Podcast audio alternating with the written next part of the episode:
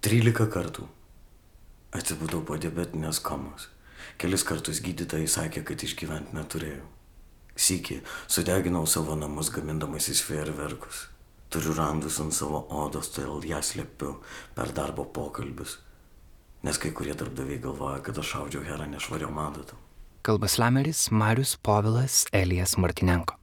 Jūs klausotės Nailo podcast'o. Praleidus tiek daug laiko ligoninėse, man kyla klausimas, ar yra kažkokia priežastis anapus mano buvimo. Matot, kai buvau mažas, aš galvojau, kad geriausia profesija yra būti veikėjų pasakui. Nes kiekvienas veikėjas kiekvienoje pasakoje atrodė turintis labai stiprią priežastį esančią anapus jo buvimo. Ir aš norėjau sužinoti savoje. Aš skaičiau Koraną, Vedas, Torą, Upanišadas, Sutras. Ir aš kartais pasimetu. Kartais vieninteliai žodžiai, kurie man lieka kaip malda, tai yra noras visą šitą šutvę dievų pasiūsti pistlaukais, palaidais plaukais. Bet tai irgi yra malda.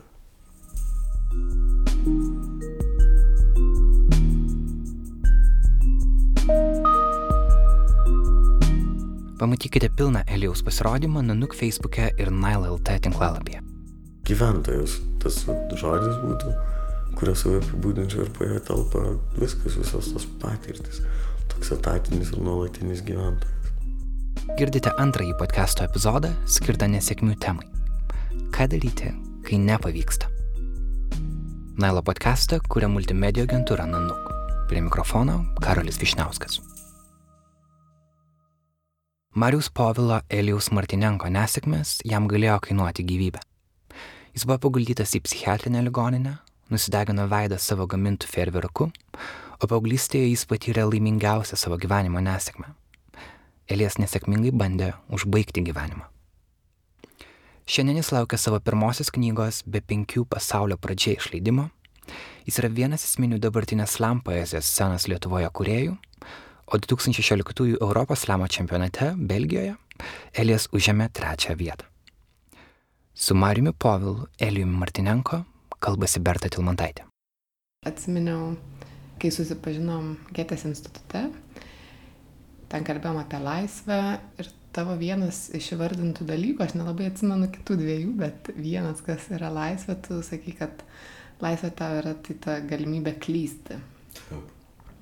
Tai gal gali pasakyti, kodėl tau, kodėl būtent tau laisvė asocijuoja su galimybė klysti ir kodėl klysti tau yra svarbu. Tai, nu, kiti du dalykai buvo bijojimas, nežinojimas, kelis dar paminėjau, bet uh, būtent tos klaidos, iš esmės tai yra dalykai, kurie atvedė mane ten, kur aš esu dabar ir dabarties momente aš tikrai išgyvenu pilnatvę. Kartais gal uh, negaliu pasakyti, kad esu laimingas, bet pilnatvę apima kur kas daugiau. Ir net uh, kaip yra hebrajiškas tas pasveikinimas šalom. Tai jis nereiškia, kad mes pirmišės išsiverčiam ramybės, tai reiškia pilnatvės. Ir į tą pilnatvę ir, ir įeina ir visi skausmai su savo prasmėm ir, ir laimės. Ir pačios klaidos, nu, man atrodo, tai yra pats efektyviausias būdas mokytis. Ir, sakykime, nu, kai kurie taip iš šono žiūrėdami mano gyvenimą galvotų, kad vat, prieš dviejus metus ten įvykęs gaisras, kai aš gaminausi ferverkus ir viskas išstaškė ir aštuoni po to mėnesį gulėjo ligoniniai, kad tai buvo klaida. Bet uh, tuo metu aš iš tikrųjų susidūriau su savo paties mirtingumu, savo kaip asmens. Nes tai buvo akimirka, kada degė mano kambarys, buvo nežmoniškas skausmas mano rankose ir aš girdėjau, kaip ant veido kyla pūslės ir jos sproginėja. Ir aš supratau, kad iš tikrųjų, kad dabar mirsiu. Ir tas savo mirtingumo saugimas ir aš prisimenu, stovėjau ant palangės. Ir ketinau šokti žemyn, tiesiog kūnas taip impulsyviai uh, bėgo nuo skausmo, mes gyvenam ketvirtam aukšte.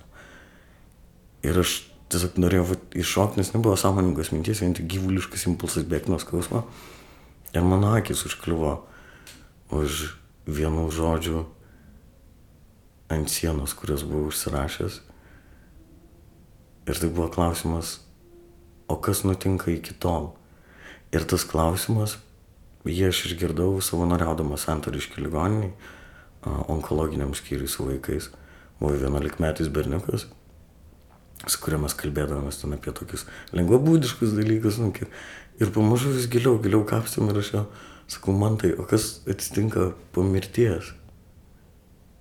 Ir tu buvo tokia tylos pauzė ir žiūri mane ir sako, o kas nutinka iki to? Ir aš tada taip sutrikau, aš išėjau, prisimenu iš santariškų ligoninės, atsiremiau į medį ir pradėjau taip raudot. Ir tas mane sukretė vienio klausimas, nes aš suvokiu, kad nu, mes neturim kitų atsakymų. Gyvenimas, nesiveliant į kažkokią metafiziką ar transcendenciją, bet gyvenimas kartais yra visą, ką mes turim savo rankose. Ir, ir visi mūsų klaustukai galiausiai užsikabina ant tos pačios gyvenimo medžiagos. Ir tie žodžiai, kuriuos pamačiau stovėdamas ant palangės, trumpai, trumpai akimirkai sustabdė mane Ir aš supratau, kad aš nešoksiu žemyn. Ir galiausiai aš nusikabarojau balkonai žemyn. Aš nežinau, iš kur man jie tai buvo tiek jėgų, nes buvo gruodžio mėnesis, slidu, šalta, šlapėtum. Ir tai vyko. Ir dabar galvoju, net man tas, kuris, dabar jau jo nėra tarp gyvųjų. Bet jo gyvenimas kažkaip nesibaigė man to mirtim, jis įsikišo po to į manai ir įvardinti viską kaip klaidas. Taip, tai yra klaidos, bet aš norėčiau iš to išimti tą neigiamą konotaciją, kai ir ta baime klystas, perfekcionizmas, man atrodo, jis kažkaip dažniau sužlugdo, negu veda į priekį. Irgi Alfredas Nobelis, kiek jis, aš nepamenu net kiek jis ten savo fabrikus susprogdino, kol iš tikrųjų atrado dinamitą ten tratilą.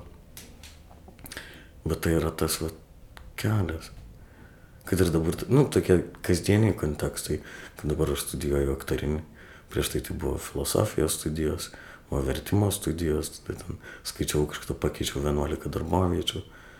Ir aišku, galima sakyti, kad, nu, čia klydau, blaškiausi ir, ir daužiausi, neturėdamas tikslo prasmės. Ir, bet dabar suvokiu, kad tai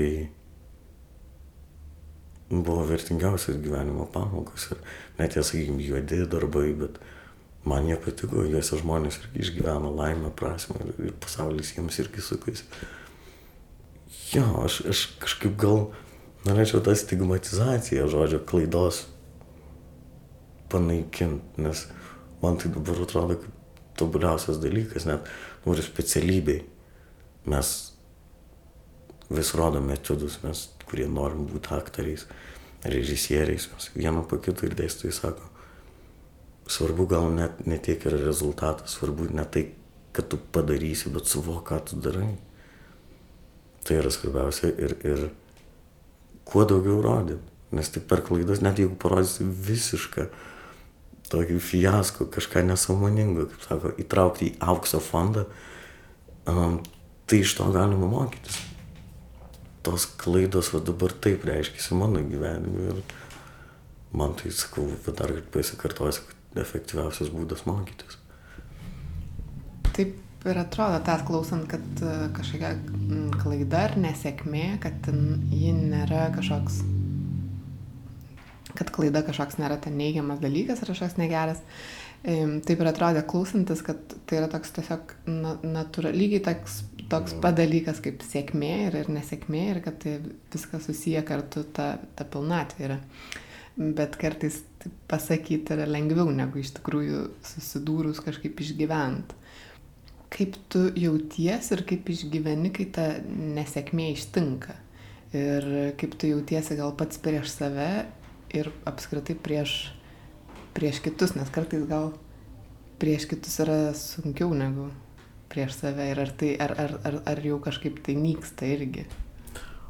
Um, iš tikrųjų, čia va, to tokia dichotomija atsiradus, toks kilimas tarp to, kaip aš pats suvokiu klaidas ir savo nesėkmės ir kaip kiti jas suvokia. Ir um, kažkada irgi buvo toks tamsus laikotarpis mano gyvenime, kai aš per kelis darbus dirbau ir truputį sugriovau savo psichiką, nes labai mažai mėgau.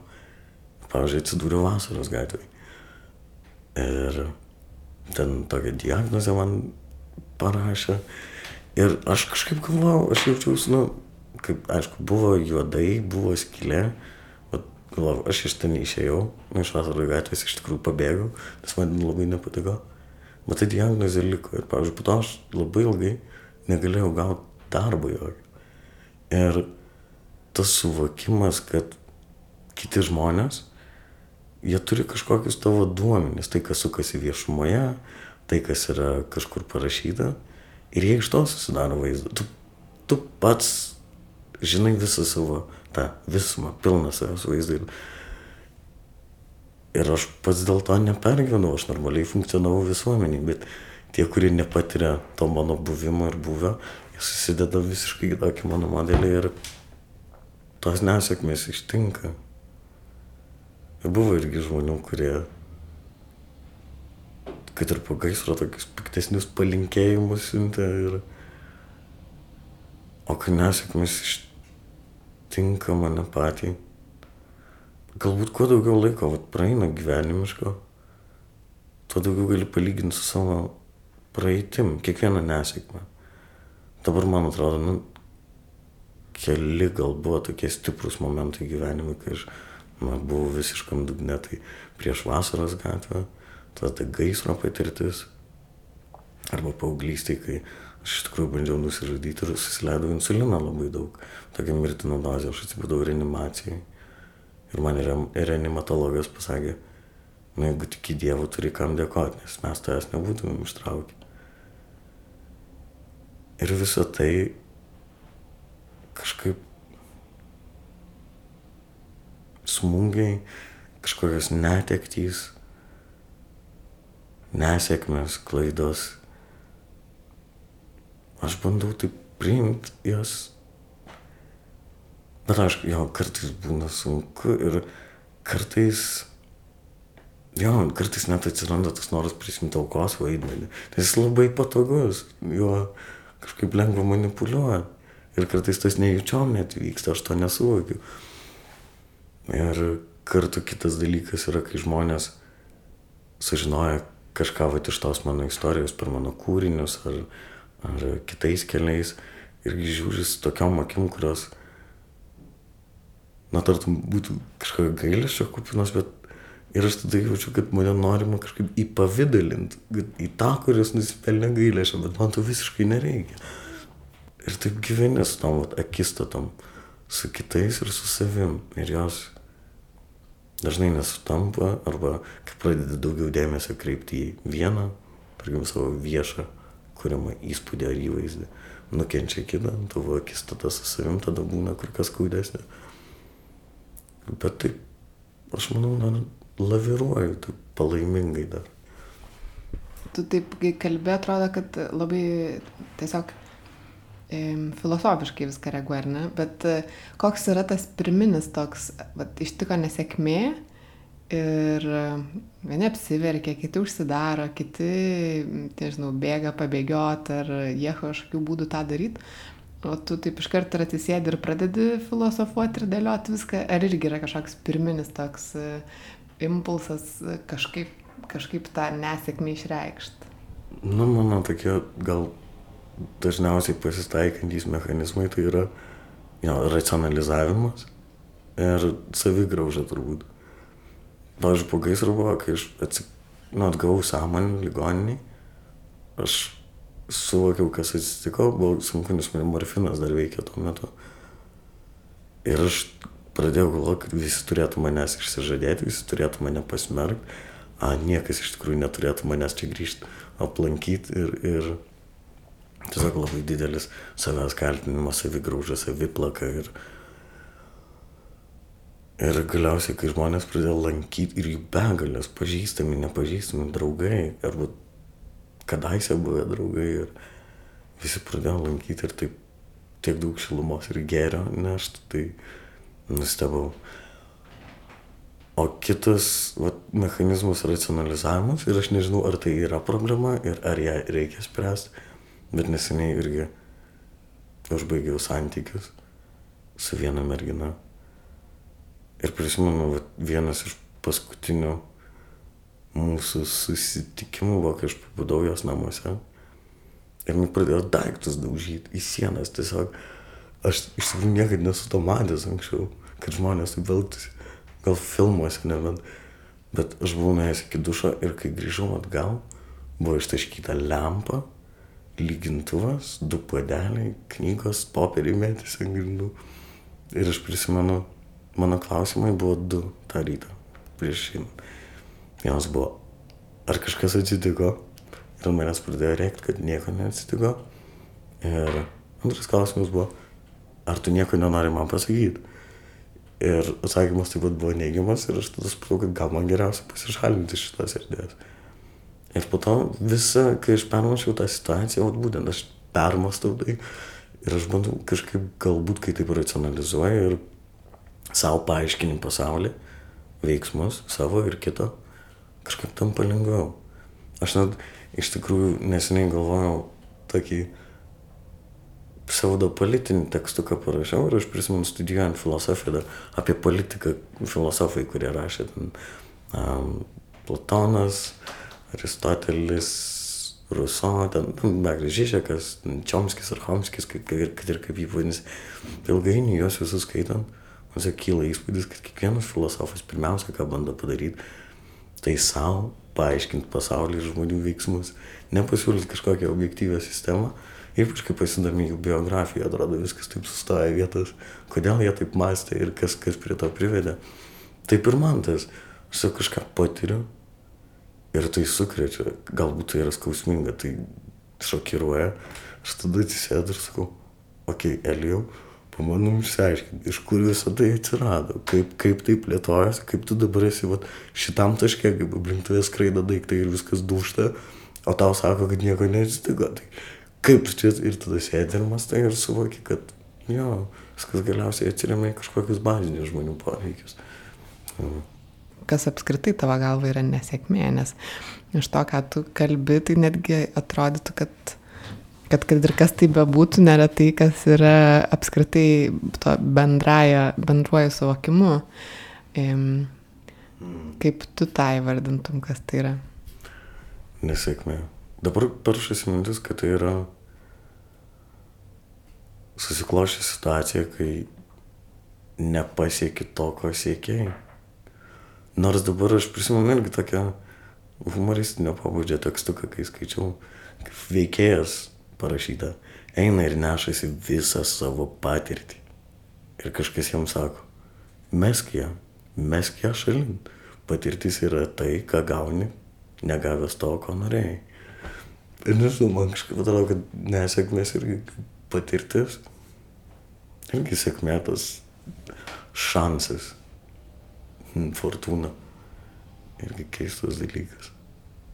Bet dabar vat apibrėžiau taip paprastai, kad a, nepasiektas tikslas, bet tai nebūtinai reiškia, kad viskas tik į blogą.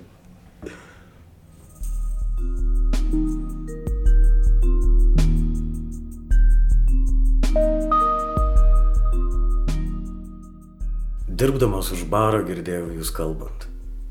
Dabar tu pokalbėje apie užsienio šalis. Visi dalysi patirtimis, kur kam yra tekę gyventi.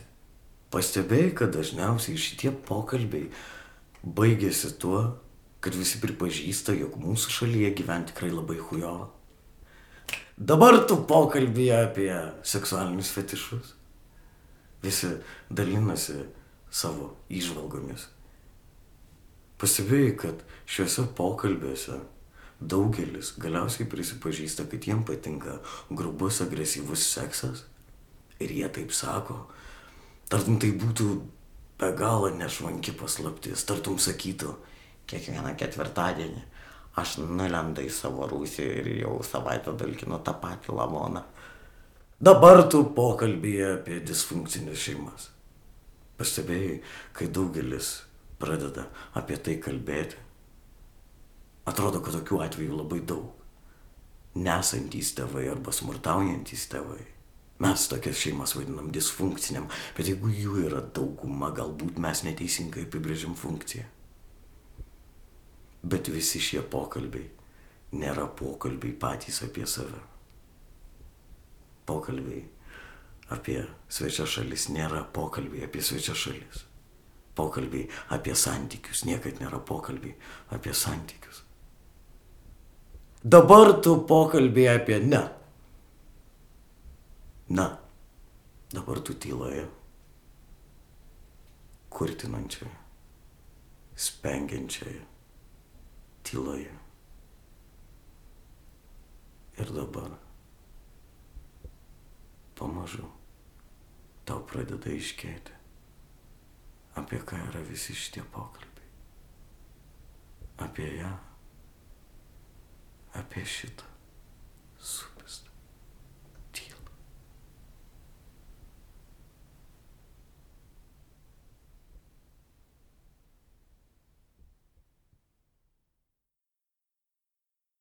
Ar savo patirtis visas tiek sėkmės, tiek nesėkmės tu transformuoji ir toj perkeli į savo kūrybą?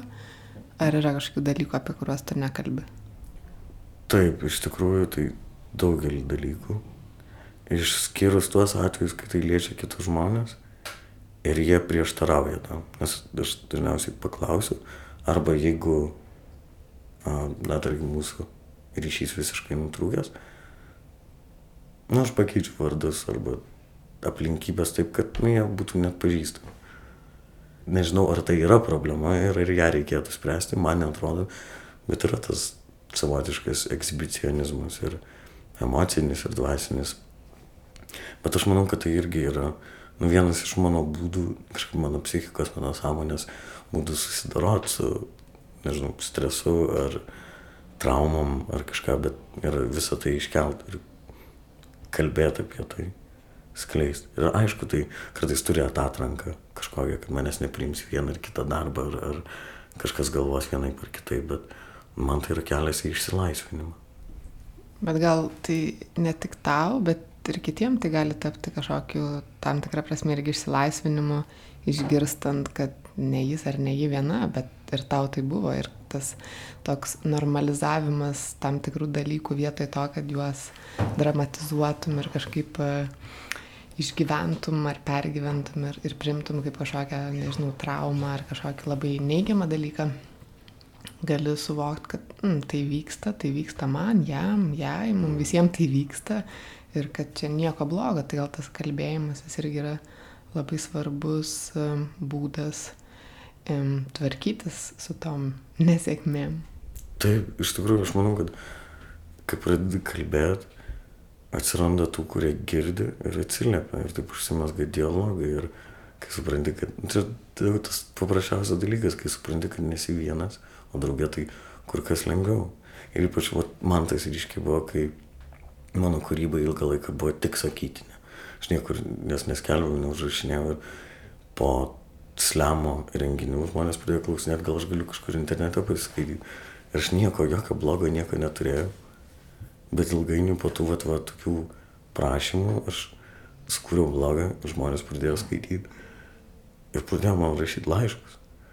Ir aš taip nustebau, nes man atrodo, kad tie tekstai mano kūriniai, jie tokie vienkartiniai, jie tokie forma ir ne per daugiausia turinio, bet tas žmonės, ir aišku, aš gaudavau um, ir tokių piktų laiškų, kurie, vos ne, sakė, kad aš propaguoju kažkokį ten destruktyvų gyvenimo būdą ar panašiai, bet, nu, aš nemanau, kad tą būtent propaguočiau, bet kur kas daugiau buvo laiškų, kur žmonės padėkojo už kūrybą arba kreipėsi net viena mergina buvo parašius, kur irgi patyrė nudegimus ir klausė, ką va, su oda daryti.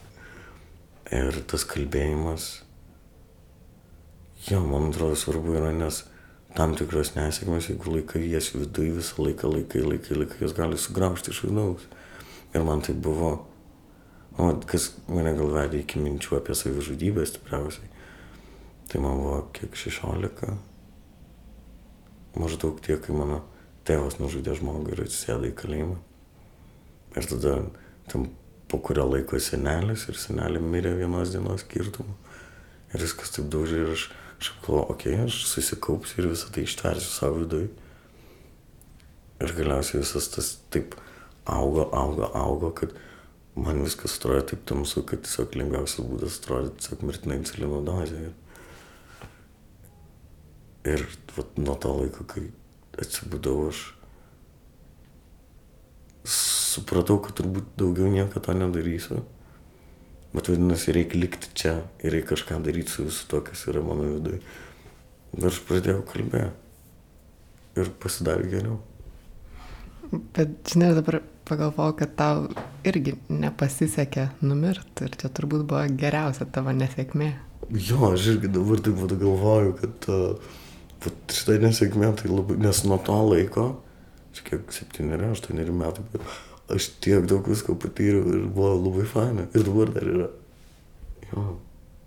E, labai įdomus buvo tas tavo pasakymas, kad kažkas sakė, jog propaguoja tarsi tą destruktyvų kažkokį gyven, gyvenimo patirtis, bet tu sąmoningai nes, nesivaikai tų mm, nesėkmių ir kažkokių neigiamų patirčių, kad jos ten kažkaip užaugintų ir, ir dar kažką duotų, nes turbūt ta reakcija kažkiek žmonių gal buvo toks tarsi tas savidestrukcijos Mm. Kažkoks išvelgimas gal toks tarsi mm, susigriaut tam, kad kažkas iš to atsirastų. Ne, aš sąmoningai kažkaip galvoju, kažkurį laiką galvojau, bet, bet tada nu, ten buvo taip, kad ten skaičiau keletą tokių gal mm, labai sumaištingų rašytojų, ten tarp jų ir Rimba buvo, ir, ir, ir dar keli tokie. Va. Ir galvoju, va, nu gyvena įdomų gyvenimą. Ir aš tai galvoju, gal ir man taip reiktų. Tada, nu, va, kinai neturi prageiksmo žmogui, kad, kad tau tektų gyventi įdomiais laikais. Ir istoriškai įdomus laikotarpiai tai buvo turbūt konfliktiškiausi žmonijai. Ir aš kažkaip galvoju, nu man kūryba gimsta iš to, ką aš išgyvenu kasdien. Ir to kasdienybėje pasitaiko visokių dalykų. Ir tarp jų yra ir, ir kažkokie ten, um, atsitiktiniai lytiniai santykiai, ten, narkotikai ar alkoholis ar kažkokie keisti svaiginimosi būdai, bet uh, nu aš niekad, tikrai niekad man nekilo kažkaip mintis, va, eksponuotai, žiūrėkit, kaip aš naikinu savo gyvenimą, kaip čia įdomu. Na, man kažkaip dabar kaip tik atrodo, kad na, yra dvi stovėsenos - konstrukcija arba destrukcija. Ir savo gyvenimą kažkaip noriu prie to konstravimo gal kreipti. Kartais, aišku, visokių periodų pasitaiko ir nu, tokia savigrauža, saviplaka, kuri peraugia į savidestrukciją ar, ar tokius tamsesnius periodus, bet vis tiek. Net ir tame yra šviesos ir man atrodo, kad čia yra tas esminis dalykas, tas vadinamas bottom line, kad visur yra tos šviesos.